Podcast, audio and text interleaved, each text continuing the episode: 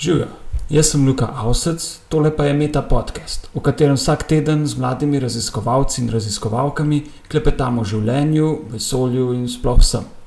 Moji sogovorniki so znanstveniki, pred zaključkom doktorata z različnih področji znanosti. Meta podcast domuje na spletišču metina.si, kjer lahko komentirate, dajete predloge ali podprete naše delo. Sledite nam na Facebooku Metine liste ali na Twitterju hashtag MetaPodcast. Danes je z mano Rok Rudeš, strokovnjak za materijale, Rok Žuja. Ja, živo. Rok je diplomiral na fakulteti za kemijo in kemijsko tehnologijo, zdaj pa je trenutno raziskovalec na inštitutu Jožef Stefan. Na katerem odseku? Odsek za nanostrukturne materijale in sicer imenujemo K7 skratico. Kdo je tvoj mentor za doktorat? E, Moj mentor je docent Slavko Bernik. Kaj pa počnete tukaj na tem odseku? Ne? Prej smo imeli, lahko povem, imel sem izredno priložnost si ogledati vse eh, laboratorije in eh, rok mi je pripravil res čudovit uvod. Da je še povzem za poslušalce, kaj počnete na vašem odseku? Um, naš odsek je, na našem odseku je 40 raziskovalcev um, in sicer se ukvarjamo s kar nekaj disciplinami, od eh, magnetov, um, močnejših magnetov in raziskav, do biomaterialov, kot so prevleke za umetne, umetne Kolke. Kolke, tako. Eh, ume- umetni hrustanec se dela, dela se tudi na bi- m, nanomaterialih, kot so nanožičke za potrebe hran, hrambo podatkov. Um, potem de, delamo tudi z oksidnimi materiali, um, to pa je naše, naše področje, naše raziskovalne skupine. Uh, In sicer del skupine se ukvarja z varistori uh, in del skupine z termoelektričnimi materiali. Tvoje področje eh, doktorskega dela so v glavnem eh, te zadnji omenjeni termoelektrični mikrogeneratorji. Da je nam malo pove, kaj to je. Termoelektriki so v bistvu materijali, ki z razliko v temperaturi eh, generirajo električni tok oziroma električno napetost. Videla sva en tak primer v laboratoriju, se mi pokazal, obstajajo tudi komercialne verzije. To je neka ploščica, na eni strani jo pogreješ, na drugi strani jo ohladiš in ta zadeva poganja, se pravi, ustvarja električni tok, ki lahko poganja potem ventilatorček v najnem primeru. Ne, to malo za eno fotografijo so tudi posnela tega eksperimenta. to Tako to. la, lahko pač tukaj gor karkoli preključimo, ali eh, LED diode, ali ventilatorje. Um, Kje se to uporablja, recimo v našem vsakdanjem življenju imamo to? Ja, seveda. Eh, Termoelektriki, te komercialni, na osnovi zlitin, to se pravi kovinskih zlitin, obstajajo tako v avtomobilih, kjer eh, izkoriščajo toploto, ki se bi drugače zgubila v okolje. Eh, Naprimer, samo 30% energije, ki v motorju avtomobila gre v to, da se avto dejansko premika. 70% energije se zgubi v okolje. Eh, Zato je potrebna tudi oziroma je fino, da imamo nek material zraven, ki to odvečno toploto spremenja v električni tok. No, to, je- to je ena uporabnost. Um, termoelektriki pač imajo po eni strani lahko generirajo električni tok, v, po drugi strani pa če mu damo električno tok termoelektriku, to se pravi damo neko električno napetost, se ena stran termoelektrika ohlaja in druga se greva. Uh, tako da to pa je uporabno naprimer v zamrzovalnih skrinjah, tiste, ki imamo prenosne, um, da, da se konstantno hladi, ali pa naprimer za hlajenje diskov. Imamo tudi noter termoelektrike, že, um, ki, ki nam eh, veliko bolj efektivno kot sami ventilator uh, hladijo proces. Katere materijale pri vas uporabljate in s tem dosežete večjo termično stabilnost? Termoelektrike. Termoelektriko. Ja. Tako. Uh, Mi konkretno se ukvarjamo z oksidnimi termoelektriki, um, z cinkoksid in dioksid materijali, ki so N-tip termoelektrikov in kalcijevimi kobaltati, ki so P-tip termoelektrikov. Sicer za efektivno eh, delovanje termoelektrika uporab, moramo uporabiti oba materijala, tako P kot N-tip. Kako naredite tak termoelektrik? To se nalije v neko skledo, strdi in. V bistvu ta, tak termoelektrik, eh, mi delamo termoelektrike s screen printing tehnologijo. To je tehnologija, ki se uporablja v mikroelektroniki. In sicer je postopek tak, da najprej pripravimo material, to, pravi, to je nek prah, nek oksidni prah, ki ga damo v nek organski nosilec. In sicer ta organski nosilec ima tiksotropne lastnosti. To pomeni, da če, je, če na ne delujemo silo, je zelo viskozen tako kot kečap. Če pa za nan delujemo z neko silo, pa ta, ta pasta postane tekoča uh, in se lepo razporedi po površini. Uh, ko imamo pripravljeno pasto, uh, s to pasto, tis, uh, to pasto nesemo na sito, to se pravi, screen printing tehnologija ima neko sito in skozi to sito imamo nek vzorček, to se pravi, kakršen koli vzorec hočemo imeti termoelektrika in ga s pomočjo rakla potisnemo skozi sito, da se natisne na podlago. Kakšne so prednosti take izdelave termoelektriko? Prednosti sito tiska so, da je to zelo hitra metoda, zelo natančna, seveda poceni in lahko definiramo, zelo enostavno lahko definiramo, bo, kakšen bo sam končni produkt, to se pravi, kakšen bo dizajn tega našega naše naprave. Kako je s ceno teh materijalov, ki jih uporabljate? Se pravi, zakaj vsi ne uporabljajo teh materijalov? Kot, ne, najbrž je cena tle velik faktor. Ja in ne. E, naprimer, kalcijevi kobaltati so, so zelo cenovno dostopni. To je kalcijev, sicer osnovni material je kalcijev karbonat in kalcijev oksid, katere dva nista tako draga. Pri cinkoksidu in dioksidu je drugačna zgodba, saj je indioksid dosega eh, cene tudi do 1000 evrov na, ali 2000 evrov na kilogram.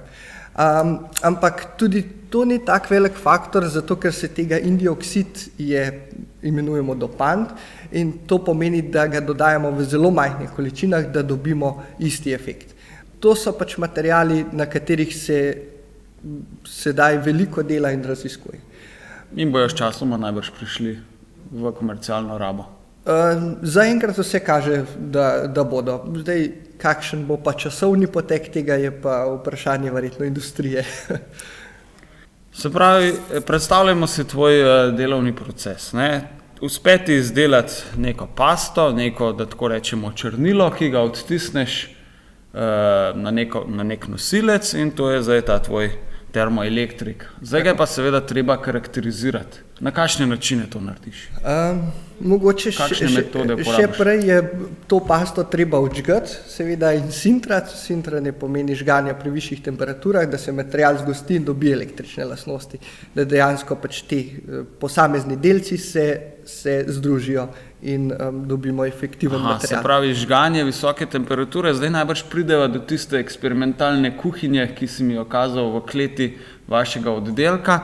Eh, in za katero si rekel, da porabi za eno majhno elektrarno električne energije. res, res, mesečno porabi za majhno elektrarno, ampak to je predvsem zato, ker um, ker eksperimenti se dogajajo, se dogajajo v daljšem časovnem obdobju, večkrat je treba ponoviti, in tudi temperature žganja dosegajo tam do 2000 stopinj Celzija, kar je za povprečnega uporabnika skoraj nepredstavljivo. Ja, ne vemo, ne. lincer keksi na 180 stopinjah, ne. do 2000 je še velik. tako, tako. Ja, to so izredno take bele, dobro izolirane peči videla so tudi eno sofisticirano mikrovalovko. Tako, eh, z žganjem z mikrovalovi, ki je veliko bolj učinkovito, saj deluje veliko tarčno in eh, v, kraj, v krajšem času lahko dosežemo iste temperature kot naprimer pri komercialnih, ki moramo segreti celotno peč. Se pravi, dobro. Tvoj termoelektrik si zdaj odtisnil, eh, si ga žgal, zato da se je zadeva zgostila in dobila prave lastnosti. Kaj te bo pa zdaj zanimalo? Eh, zdaj, kot kemika oziroma kot eh, inženirja materijalov, se predvsem zanima lastnosti tega našega materijala oziroma eh, elektronske keramike. To se karakterizira z, z določenjem električnih lastnosti in sicer pomembne so predvsem dve, električna prevodnost, ki mora biti čim višja, in Sibekov koeficient, ki nam pove, kakšno napetost dobimo pri določeni temperaturni razliki med toplim in hladnim delom termoelektrika. Poleg tega merimo tudi termično prevodnost, saj je seveda pomembno, da temperatura iz ene strani na drugo stran, to se pravi, da se toplota iz ene na drugo stran ne, ne prenaša hitro, ker hočemo imeti čim večjo temperaturno razliko. Lahko zdaj primerjaš kakšnega od komercialnih eh, termoelektrikov, pa kakšnega od teh, ki si jih sam izdelal, eh, o kakšnih temperaturnih razponih in o kakšnih napetostih govorimo.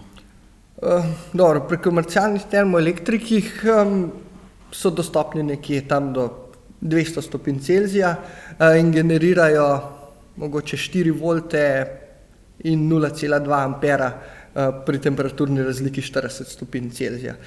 To je zdaj za predstavo ena manjša baterija, ki lahko poganja ali ventilatorček ali diodo, eh, kakorkoli. Že pri temperaturni razliki 40 stopinj. Ja, in, in temperaturi do 120 stopinj Celzija. Zdaj, um, oksidni termoelektriki pa se uporabljajo predvsem za više temperature, to se pravi nad 500, 600, 700 ali celo više, temp više temperature. Um, In tukaj pa zaenkrat se govori o e, pravi, napetostih v mikrovoltih, to se pravi, niso še tako visoke napetosti, e, saj tudi sam, sama, sama naprava ni optimizirana, ampak so to preliminarne raziskave, to se pravi raziskave, ki so še v teku um, in sama efektivnost teh materijalov še ni tako visoka. No, še preden uh, pa zadevo natisneš, pa te zanimajo tudi lastnosti te paste, tega črnila, da tako rečemo, ki ga odtisneš na svoj nosilec. E, Merite celo vrsto reoloških parametrov. Kaj so to, pa kako to naredite? Uh, tako je. Um, reološki parametri so v bistvu merimo, kakšna je viskoznost te naše paste, kako se viskoznost paste spremenja z neko silo. Se pravi, viskoznost bi najlažje opisal.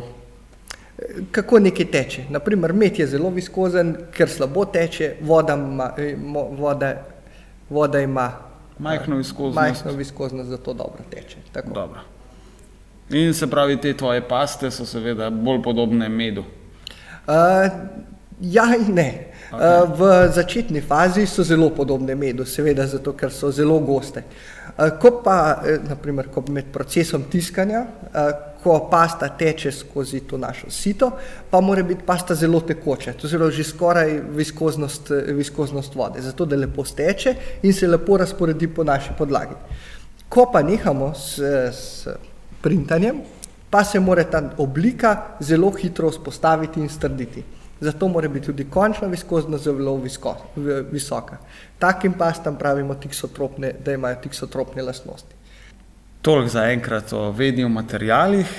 Zdaj pa za konec sam še par splošnih vprašanj, ki jih vprašam vsakega sogovornika, zato da te še malo spoznamo. Prvo, katere nam znane ali pa nam neznane osebe bi povabil k sebi na večerji, če ne bi bilo nobenih omejitev? Verjetno časovnih, pa da so osebe še žive. Ja, ja to so te klasične umetnosti. ja, ja. um, najverjetneje bi povabil Da Vinčija. Ker se mi zdi, da v tistih časih je bilo znanost in filozofija in vse bilo združeno. To so bili zelo, zelo široko razgledani ljudje z ogromno inovacijami, z ogromno idejami. Uh, tako da on bi mi bil kar zanimiva oseba za pogovarjati se. Če pa se pogovarjamo o osebah, ki so, ki so še žive, sem pa velik ljubitelj športa, predvsem košarke, tako da bi povabil Gora na Dragiča na kakšno večerjo, pa kakšno z njemu rekel. no, veš, to se ti mogoče še celo kdaj resniči, tisto z Da Vinci je mal teži. Da Vinci ti je všeč kot eh, tehnološki inovator, kot umetnik, ti je blizu umetnost? Umetnost mi je blizu takrat, ko mi jo kdo zna razložiti. Okay. Zdaj, jaz sem bolj naravosloven tip človeka in me, pa, se pa zelo hitro navdušim, predvsem nad umetninami, ki, so, ki imajo neko dodano vrednost oziroma ki mi jo zno, nekdo zna predstaviti na zanimiv način. Če bi te torej vprašal, da izbereš bodi si najljubše živo bitje ali pa najljubše umetniško delo, pa naj bo to likovno, glasbeno, literarno, zakaj bi se lažje odločil? Ja, zdaj, glede na to, da v zadnjih časih berem bolj otroško literaturo, ker imam tudi doma majhno punčko, dve leti staro, bi rekel, kakšnega Robina Huda, ki mislim, da je aktualen čez v vseh časih. Odlično. Če bi podedoval 15 hektarov zemlje, kaj bi z njo? Ja, nimam jih prav, imam vrtiček doma, ki ga obdelujem, ampak zdaj kakšnih posebnih kmetijskih znanj nimam. Ampak verjetno bi se osredotočil na, kaj, na ciljno oziroma specialno kmetijstvo. Zelo mi je zanimiv princip čili pip iz Škofe Loke ali pa Paradise iz um, firma Paradise iz Prekmurja, ki se ukvarjajo z gojenjem paradižnika ali pa čilija in s tem um, in s tem dodajo, dajo dodatno, dodano vrednost. In izredno dobro gre, kar me zelo navdušuje. Je to mogoče dolgoročna strategija, ena od možnih, kje se vidiš čez pet let, kje čez 40 let? Ja, v, v kmetijstvu ne. v kmetijstvu ne. Uh, v bistvu čez pet let, verjetno še, še vedno v raziskavah oziroma v naravoslovju. Um, imam pa tudi um, željo oziroma nek, nek, neko željo delati tudi v, s pedagoškim delom. Zdaj se tudi vidim kot uh, pedagog. Ti si v času svojega uh, MR-ja ostal tukaj na inštitutu poučeval, kaj si bil udeležen pri kakšnih vajah na kakšnih študijskih smerih? V bistvu v času MR-ja sem se posvetil predvsem temu. Uh, imamo sicer, sodelujem v skupini za promocijo inštituta Jožef Štefan, kjer razkazujemo oddelek uh, srednješolcem, um, študentom iz fakultet.